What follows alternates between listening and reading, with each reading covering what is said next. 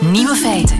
Dag, dit is de podcast van Nieuwe Feiten van donderdag 22 februari, waarin we het verder niet gaan hebben over het nieuws dat in Nederland de trein ook remt voor dieren. Inderdaad, gistermorgen kreeg de trein naar Almere een alarmoproep. Opgelet langzaam rijden, want zwaan op het spoor. Maar de hoofdconducteur en de machinist die besloten, als ware dierenliefhebbers, te stoppen eenmaal aangekomen bij de plek waar de zwaan zich stilhield. Ze hebben het jonge dier, dat volledig in shock was, voorzichtig opgetild en bij de machinist in de cabine gezet. De zwaan, die intussen Roy heet, naar de machinist, is dan met de dierenambulance naar een opvangcentrum gebracht. Eindgoed, al goed. Maar wat zijn dan wel de nieuwe feiten vandaag? Wel krullen rond hoogspanningskabels redden honderdduizenden vogels per jaar. Verdachten in zware zaken moeten in Nederland luisteren als de in de rechtbank het slachtoffer spreekt. Brigitte Bardot schenkt 350.000 euro aan een Vlaams koppel dat een olifantenbejaardentehuis begint. In Frankrijk overigens. En desinfecterende doekjes voor de keuken zijn weggesmeten geld. Geniet ervan.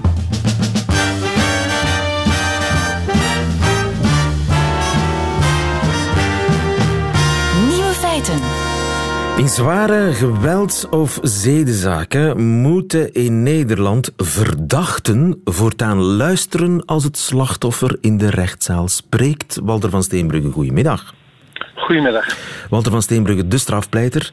Tja, de nieuwe Nederlandse regering die wil de positie van het slachtoffer in strafzaken versterken.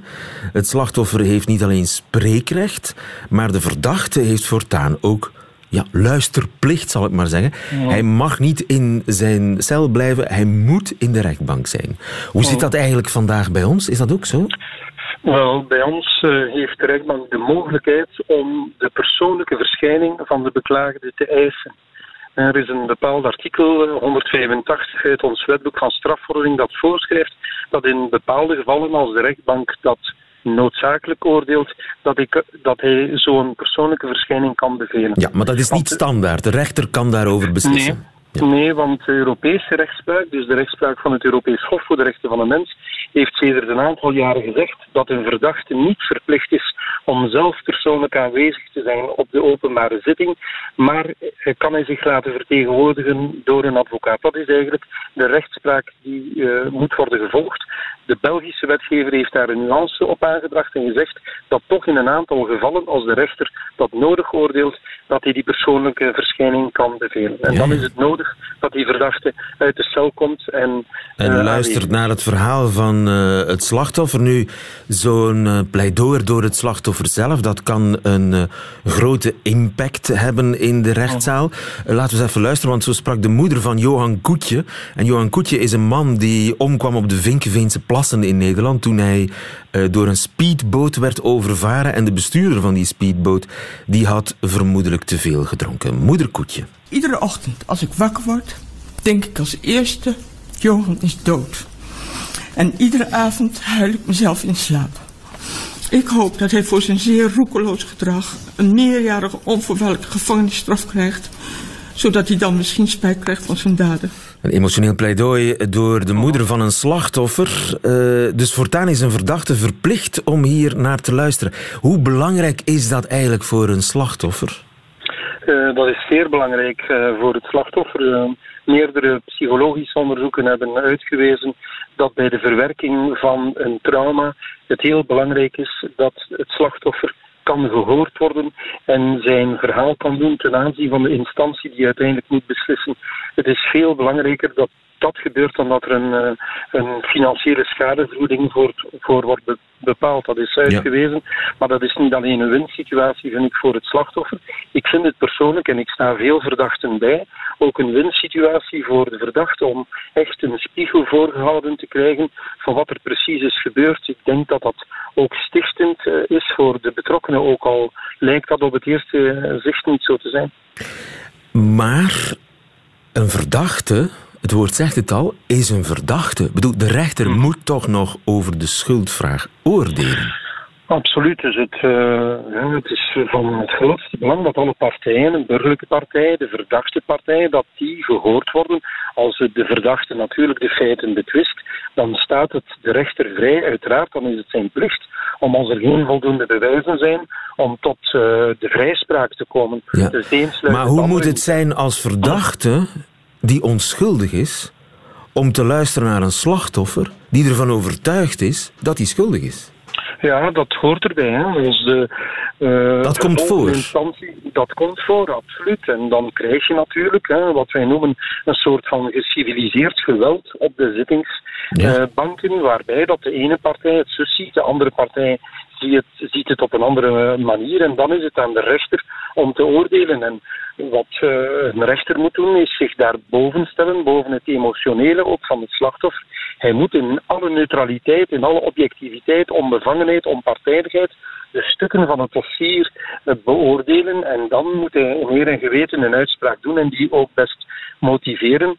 Uh, om zijn oordeel dan in de een of andere richting te laten gelden. Dus, uh, dat, en kan elke rechter dat, om, om laten we zeggen, ja, al die emoties in de rechtszaal te overstijgen? Hij zou dat moeten. En dat staat ook in zijn, uh, in zijn wettelijke taak, dat hij zonder haat en zonder vrees, hij mag bijvoorbeeld niet op basis van het feit dat hij meer sympathie heeft voor een slachtoffer, mag hij niet de verdachte gaan veroordelen. Hij moet daar boven staan. Dat is, de veel, uh, voor, dat is een kritiek die vaak voorkomt bij juries, waarbij dat men zegt, ja, een jury gaat uh, zich veel te veel laten leiden door de emotie van de een of andere pleider. Maar daarvan schrijft de wettelijke taak van de rechter voor dat hij zonder haat en zonder vrees werkelijk onbevangen moet beslissen tot schuld of onschuld. Uh, maar u als uh, strafpleiter, u bent voorstander van emoties in de rechtszaal. Die moeten kunnen, die zijn uh, helend. Ja, emoties maken deel uit van het leven. Dus het zou wel echt slecht zijn mochten emoties hun plaats niet krijgen voor, voor de rechter. Het is natuurlijk wel iets anders.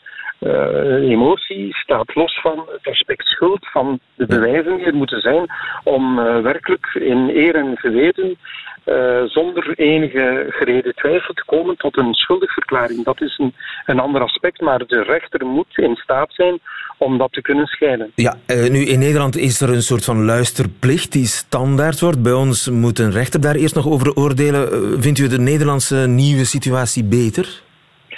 Ik vind het zeer goed uh, dat alle partijen in persoon aanwezig zijn, als het enigszins kan ook voor het slachtoffer, want bepaalde slachtoffers die wensen niet meer uh, geconfronteerd worden met een eventuele dader. Maar het is goed voor alle partijen dat men er is en dat de rechter kan oordelen met de informatie rond de persoonlijkheden die uiteindelijk uh, het voorrecht hebben uitgemaakt van de zaak. Iets anders is of dat deze nieuwe Nederlandse regelgeving niet onder hoge spanning komt met de rechtspraak van het Europees Hof voor de Rechten van de Mens. Want daar is een, een klein beetje een tegenspraak. Ja, inderdaad. Ja. We zullen zien wat het wordt. Dankjewel, Walter van Steenbrugge. Goedemiddag. Nieuwe feiten. Zouden krullen vogels kunnen redden? Jan Rots, goedemiddag. Eh, goedemiddag, lieven. Van eh, Vogelbescherming Vlaanderen. Na het schijnt vliegen jaarlijks een heleboel vogels zich te pletter tegen hoogspanningskabels. Klopt dat? Ja, dat klopt absoluut. Jammer genoeg. Uh, in België, naar schatting, elk jaar 170.000 à 500.000 uh, draadslachtoffers. Tot een half miljoen vogels. Ja, dat is een ware vogelgenocide. Ja, inderdaad, zo mag je het stellen. En die genocide komt dan eigenlijk nog bovenop alle andere bedreigingen, zoals uh, verkeer, uh, windturbines en dergelijke meer. Dus uh, ja, er vallen heel wat vogels uit de boot elk jaar. En kunnen zij die kabels niet zien? Ze hebben toch ogen? Vogels kunnen toch goed zien? Ja, inderdaad. heel veel vogels hebben uitstekend, een uitstekend zicht. Uh, denken we maar in de eerste plaats aan de roofvogels bijvoorbeeld. Die moeten ja, uh, jagen met hun ogen. Uh, maar het is vooral tijdens de minder goed zichtbare omstandigheden dat die vogels daar vliegen. En dan denk ik in de eerste plaats s'nachts natuurlijk, maar ook in de ochtend- en avondschemering. En ook als het, als het bijzonder mistig is, dan zien zij die kabels ook niet op tijd hangen. En het gaat specifiek over hoogspanningskabels. Het gaat niet over de gewone kabels in de straat. Nee, inderdaad. Het gaat over hoogspanningskabels. Uh, Elia, dus de netwerkbeheerder bij ons, die heeft ongeveer ja, 5700 kilometer bovengrondse hoogspanningsleidingen. maar dat ja, dat is een beetje moeilijk om die allemaal onder de grond te leggen. Uh, en daarom ja, is er uh, enkele jaren geleden gezocht naar een deugdelijk alternatief om die kabels meer zichtbaar te maken voor, voor vogels. Maar er hangen toch van die dikke bollen aan? Ja, maar uh, misschien heb je het zelf ook al vastgesteld. Niet overal is dat het geval. en die bollen die zijn er eigenlijk aangebracht ehm, eh, voor het luchtverkeer. Uh, maar voor vogels uh, zijn er nu ja, zogenoemde vogelkrullen op de markt. Het is iets wat al zeer gangbaar is in Frankrijk en Spanje. En nu heeft Vlaanderen dat overgenomen. En we zijn daar natuurlijk als vogelbeschermingsorganisatie ja, bijzonder blij mee. Want, dus die krullen komen er? Die krullen die zijn er al op een aantal trajecten die door uh, natuurverenigingen, zoals Natuurpunt, Vogelbescherming Vlaanderen, maar ook het Instituut voor Natuur- en Bosonderzoek, in kaart zijn gebracht. Er zijn zwarte uh, punten. Ja, inderdaad. Uh, eh, 3,4 procent zelfs van het Belgische hoogspanningsnetwerk uh, heeft de categorie hoog risico gekregen. Uh, dat betekent dus dat die leidingen door routes lopen van vogels, niet alleen trekroutes, zoals we denken aan de seizoenstrek in het najaar naar het zuiden, in het voorjaar naar het noorden, uh, maar ook de dagelijkse trekroutes die vogels gebruiken van slaapplaats naar voedsel, ah, ja. voedselplaats en omgekeerd. En die krullen die werken beter dan die bollen? Uh, nee, dat is niet gezegd, maar die krullen die zijn waarschijnlijk een goedkoper alternatief Aha. en hebben hun doel reeds bewezen in een aantal andere Europese landen, zoals Frankrijk. In Frankrijk zie je ze echt heel, heel vaak. Uh, ja, de vogelrijkdom is er natuurlijk ook wel iets groter. en vooral in gebieden waar heel veel avifauna voorkomt. Bijvoorbeeld, ik noem maar één gebied, de Brenne uh, in Centre-France en ook de Champagne-streek, Lac du waar ja, elk ja. jaar duizenden en duizenden kraanvogels uh, de winter doorbrengen. En zo'n krul, dat ziet er eigenlijk uit als een springveer, hè? een ressort. Die ja, rond het, die... er, uh, ja, het is zo'n beetje spiraalvormig en uh, kan heel gemakkelijk aangebracht worden. Opgelet, die krullen worden niet aangebracht aan de stroomkabels zelf, uh, maar wel bovenaan uh, de aardingskabels. Dus soms zijn dat er twee, soms is dat er maar één. Maar het zijn vooral die kabels die een stuk dunner zijn dan de, de feitelijke stroomkabels, die moeilijk zichtbaar zijn voor heel wat vogels in die slechte omstandigheden. Oh ja, dat dus zijn de echte killers, de aardingskabels, niet zozeer de stroomkabels zelf. Die zijn dik genoeg. Ja, ja, inderdaad. Het is ook wel zo. Uh, het, hier gaat het om aanvaringsslachtoffers. Dus vogels die tegen die draden aanvliegen en daarbij uh, ja, omkomen of een vleugelbreuk oplopen of onderaan uh, op de grond gewond neerploffen. Ehm, het gaat dus niet om, om elektrocutie, want daarvoor liggen die kabels te ver uit elkaar. Ehm, dus je moet, als je geëlectrocuteerd wilt worden, uh, twee kabels uh, aanraken. Ja. En uh, daar slagen de meeste vogels niet in. Maar de niet, krullen niet zullen hen beschermen tegen botsingen, onaangename dodelijke botsingen met aardingskabels. Laat ze maar komen, die krullen. Dankjewel, Jan Rots. Goedemiddag. Ja, graag gedaan. Nieuwe feiten. Koopt u soms van die desinfecterende doekjes voor de keuken? Om het aanrecht kiemvrij te houden, want u wilt natuurlijk niemand vergiftigen met uw kookkunsten. En dat is een heel nobel streven. Maar helpen die doekjes daarbij? Dat onderzocht de BBC gisteren. Drie gezinnen kregen een mobiel aanrecht dat ze eerst helemaal moesten schoonschrobben met van die bacteriedodende doekjes. Maar wat bleek? The first sample we took was after one hour, and in all cases there was bacterial and fungal growth after one hour. So pretty much immediately after someone has disinfected their surface, these things are now beginning to regrow again. Yeah, and that progressed over the next 36 hours. So as you can see, after 6 hours, 8 hours and 12 hours, it's progressively more. Oei, oei, oei. Na een uur al zat het aanrecht weer, weer vol microben. Mark van Ranst, goedemiddag. Goedemiddag. Viroloog aan de Universiteit van Leuven. Verbaast u dat? Uh, het verbaast me dat mensen daar onderzoek over doen. um, het antwoord is dus nee. Wel, nee, dat verbaast mij niet. Maar eh, sommige mensen denken ook dat we in een, in een steriel huis leven. Ja? Uh, dat we daar alleen wonen en dat bacteriën daar geen plaats hebben. Ehm, wel, eh, dat, dat lukt niet. Bacteriën die zijn er, uh, die dragen wij in ons, die dragen wij op ons, die zijn, die zijn een beetje overal. En, en de meeste van hen doen ook geen vlieg kwaad. Dus, dus die zijn niet gevaarlijk. Proberen. Nee, nee de, wel, men denkt eigenlijk dat alle bacteriën dat die gevaarlijk zijn. Dat is niet zo. Ja? Um, een, een, klein aantal van hen zijn gevaarlijk. Dat is bij mensen ook zo. Maar de meeste van die bacteriën die, die, die hebben zelfs nodig. Ja. Dus, um, dus zo verschrikkelijk steriel vrij proberen die dingen te maken, um, dat, dat hoeft niet. En vooral, het kan ook niet. Ja, ja want kennelijk dus na een uur, ook al heb je met desinfecterende doekjes je aanrecht helemaal kiemvrij gemaakt, na een uur zitten er alweer uh, bacteriën en, en, schimmels en zo. Ja. Nu, overigens is de gemiddelde schotelvot een ware bacteriebom. Het zal wel. Wie, wie gebruikt al een schotelvot? Dat, uh, Mijn grootmoeder heeft dat lang... Uh, met, ja, dat zal wel. In veel, in, veel, in veel huisgezinnen is er toch nog zoiets als een schotelvot? Ja, uh, wanneer je die niet te lang gebruikt, dan zal het allemaal nog best wel oké okay zijn. Um, maar um, ja, zo proper zullen die dingen niet zijn. Je komt er ook met je handen aan.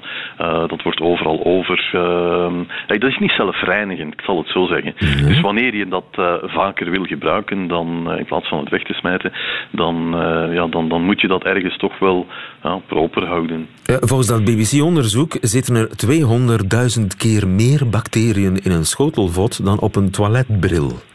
200.000. Ja, dat zal wel. Ja. Daar heeft u ook geen moeite mee om dat te geloven. Nee, daar heb ik nu totaal geen moeite mee. Is een toiletbril uh, om... 200.000 keer properder dan een schotelvot? Wel, aan een toiletbril komen, we, bril komen we met onze handen gewoon veel minder aan. Mannen komen daar nooit aan, aan een toiletbril. Um, dus, dus ja, dat, onze billen zijn eigenlijk best wel proper. Ja, dus wanneer we met propere billetjes op zo'n toiletbril gaan zitten, dan, uh, ja, dan, dan, dan heb je daar geen probleem mee. Op onze billen zitten weinig bacteriën en ja, de meeste mensen komen daar ook niet zo heel veel aan. Dus dan, uh, dan, dan hou je dat ook wel proper. Dus nee, dat Eigenlijk is het logisch. Nu, uh, je vroeg daarnet vol ongeloof of ik nog een schotelvot uh, gebruikte. Wat, als ik geen schotelvot gebruik, wat moet ik dan wel gebruiken om mijn keuken een klein beetje proper te houden? Wel, je hebt zo van die, van die wegwerp uh, ja, sponsjes. Ah, ja. uh, als je die niet te, veel, niet te veel herbruikt, dan lijkt me dat een, een stuk meer hygiënisch. Maar gaan we ons echt daar heel veel zorgen over maken? Ik denk altijd, sommige mensen hebben een leven wat niet spannend of romantisch genoeg is. En, uh, en moeten zich dan zorgen maken over het ja. aantal bacteriën op het aanrecht. Hm. Ja. Maar is er een manier om mijn schotelvot onschadelijk te maken? Onschadelijk. Ja, gewoon proper houden. Wanneer het er vies uitziet, ja, neem dan gewoon In de kookwas gooien? In bleekwater gooien? Als u dat wil, bleekwater, azijn, dat gaat allemaal helpen, maar, maar ja, smet dat ding gewoon weg. En ik koop van die sponsjes die je regelmatig weggooit. Wel, het kan misschien niet allemaal even ecologisch zijn. Uh, als je nu echt wil uitwassen, ja, dan is daar niks op tegen. Hè. Ja, uiteraard. Nu, uh, u minimaliseert alle mogelijke gevaren, maar is er, ja. zit er ergens een besmettingsgevaar dan wel in de keuken, als het niet in de schotelvot zit? zit het, moet ik ergens voor opletten? Ja, onze handen. Dat, dat zijn eigenlijk de dingen die in de keuken um, volgens mij het meest gevaarlijk zijn. Dus wanneer we die proper wassen en dan onze handelingen doen die men in een keuken moet doen, dan gaat dat allemaal wel meevallen. Wanneer je met vuile handen in de keuken begint te werken, ja, dan kan je wel problemen hebben.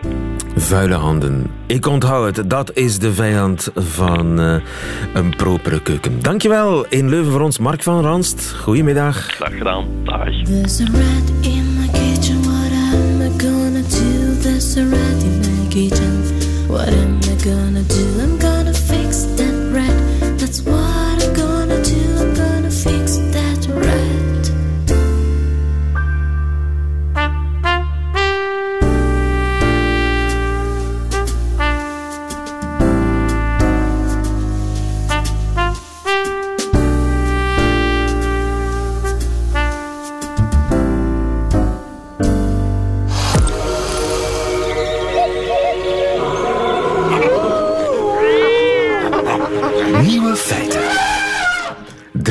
350.000 euro, dat is een pak geld. En als je dat krijgt van Brigitte Bardot nog wel, dan is dat een bijzonder aangename verrassing. En het overkomt Sophie Goedgebeuren. Goedemiddag, Sophie. Goedemiddag. Sophie, jij woont in Frankrijk en jij hebt van BB 350.000 euro gekregen. Ja, tof hè. Maar we hebben er hard voor gewerkt. Wel, wat heb je En, daar eh, allemaal voor gedaan, Sophie? Wij hebben eigenlijk elk jaar een aanvraag gedaan aan de Fondation Brigitte Bardot voor hulp, voor financiële hulp voor de stal, voor het project Elfendheven. En wat is jouw project? Nee gezegd. Eh, dus een, een rusthuis voor oude olifantjes. Want eh, meer en meer Europese landen verbieden wilde dieren in circussen. Maar er is eigenlijk geen opvangcentrum in Europa.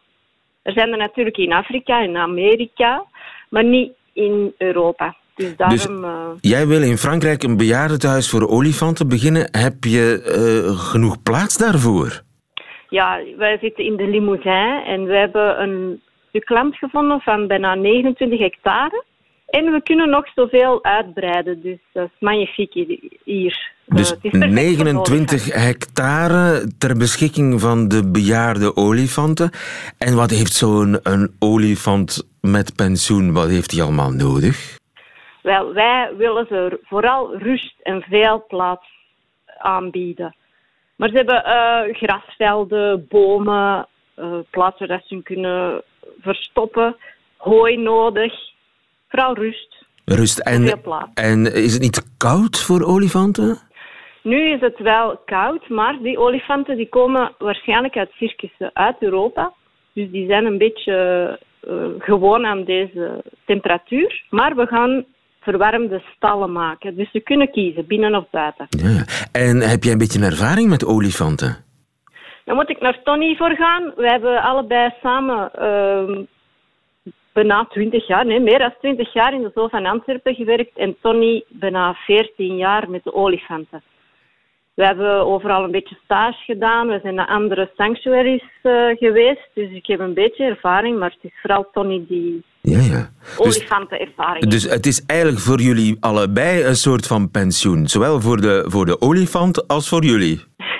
Ik denk dat er voor ons geen pensioen zal komen. Nee, want het is hard werken. Het is hard werken, maar dat Want, want je moet die olifanten ook verzorgen. Wat vragen die olifanten? Moeten die, die, die tenen moeten gekuist worden en zo zeker? Ja, ja die, die vragen een beetje pootverzorging. Dus hun nageltjes moeten proper gehouden worden. Ehm, misschien hebben ze wel een beetje last, want die oudere olifanten kunnen wel wel last hebben van reuma en abscessen en zo. Dus die moeten elke dag een verzorging eh, krijgen. En, eh, moet je die veel bijvoederen? Bijvoederen, eh, we zullen ze inderdaad wat hooi geven. We gaan ze veel takken ter beschikking geven en een beetje, 10% van hun dieet eigenlijk, groente en fruit. Ja, ja. Zij, en is mevrouw Bardot zelf al polshoogte komen nemen in jullie eh, olifantenparadijs? Nee, nog niet. Maar we hopen als de stal klaar is dat ze toch wel een bezoekje komt brengen. Eh, maar zijn mensen van haar stichting komen kijken? Want ja, je hebt die aanvraag ingediend. Dat wordt grondig bestudeerd, neem ik aan. Ja, ja, ja zeker. Eh, we hebben telefoon gekregen dat ze langs gingen komen. En eh, dan hebben ze gezien hoe ver dat we staan, dat we heel veel hulp krijgen van vrijwilligers. En eh, dan moesten we een hele hoop dossiers binnengooien. En dan hebben ze toch wel besloten van ja, we gaan jullie helpen. Brigitte Bardot staat achter jullie. Eh, wanneer worden de eerste dieren verwacht? Het hangt natuurlijk een beetje van het weer, van de werken en van de financiën af. Maar we hopen toch wel einde dit jaar. Eind dit jaar de eerste olifanten. En kan ik dan zelf ook komen kijken? Dat vraagt natuurlijk, want we zijn in Frankrijk, weer een dossier voor eh, bezoekers te krijgen. Dus dat zal iets voor volgend jaar zijn, denk ik. Eventueel later, maar alles op zijn tijd. Eerst eh, de stallen afkrijgen. Dankzij de steun van Brigitte Bardot. Gefeliciteerd, Sophie. Dank u. En veel succes met het olifantenbejaardentehuis. Goedemiddag. Nieuwe feiten. Dag. Middagjournaal. De laatste reis die mijn vader in zijn leven ondernam was een bedevaart naar Lourdes. Hij was niet aan zijn proefstuk toe. Vele keren ging hij als begeleider mee om de rolstoelen van de bedevaders te duwen. Nu zat hij zelf in zo'n stoel, dik tegen zijn goesting, terwijl hij nog amper op zijn benen kon staan. Hij had vele kwaliteiten, maar zelfkennis was er niet één van. Toen mijn vrouw hem bij het vertrek joviaal het amusement toewenste, werd hij kwaad. Hij ging niet om zich te amuseren, hij ging om te bidden. Bidden was voor mijn vader een fulltime job. Hij had, omdat het geheugen niet meer mee wilde, alle namen opgeschreven van de mensen waarvoor hij dat deed. Een hele A4 vol. Het is alsof de duivel ermee speelt, maar nog geen week na zijn dood erkende men in Lourdes het zeventigste mirakel. Waarmee ik niet wil suggereren dat mijn vader daarvoor iets tussen zit, maar toch. De Franse non Bernadette Moriot leed sinds de jaren 60 aan ernstige pijnen door een beknelling van de zenuwen onder in haar rug. Ze gebruikte morfine en kon nauwelijks lopen. In 2008 ging ze naar Lourdes. Thuisgekomen voelde zij een ongewone sensatie van ontspanning en warmte door haar hele lichaam. Tegenwoordig blaakt ze van gezondheid en heeft ze haar corset en krukken aan de kant gegooid. Het is, of men nu gelooft of niet, een zeldzaam lichtpuntje in de religieuze berichtgeving van de laatste tijden. Dat hebben we voor een deel te danken aan de IJslanders. Bekend van wat Gijzers, de Piratenpartij en die omgevallen kerstboom Björk. En nu van de wet op de voorhuid dus. Het huis der gelovigen stond collectief op stelten. Zonder besnijdenis geen jorendom, poneerde André Gansmans dramatisch. Daar heeft hij natuurlijk gelijk in. De teloorgang van de katholieke kerk is begonnen toen men de tradities overboord gooide in een poging om bij de tijd te blijven. Eerst het Latijn weg, daarna de vrouwen die de voorbeden voorlazen en dan de biedmis. Dat is er om vragen. Gevolg lege kerken. Goede les. Maar er is ook iets anders aan de hand. Plots komt men in het hoge noorden tot de vaststelling dat een religieus gebruik tegen de rechten van het kind is. Daarbij gaat men voor het gemak voorbij aan het feit dat ongeveer alle religies al duizenden jaren de helft van de wereldbevolking als onrein en tweederangs beschouwen. En die helft heeft niet eens een voorhuid. Dat staat allemaal zo in de Bijbel, dus is het waar. De rechten van de vrouw in de wereld van het geloof zijn samen te vatten op een A4. Geen haan die daarnaar kraait. En zeker geen drie keer na elkaar. Religies, ze hebben vele kwaliteiten, maar zelfkennis is er niet één van. Daarmee vergeleken is het verbod op de verwijdering van de voorhuid een fluitje van een cent.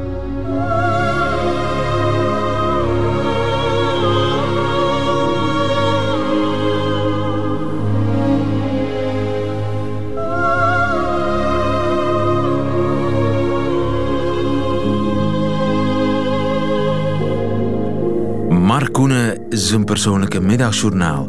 U hoorde een podcast van Radio 1. Vind er meer op onze website en op de gebruikelijke podcastkanalen. Tot de volgende.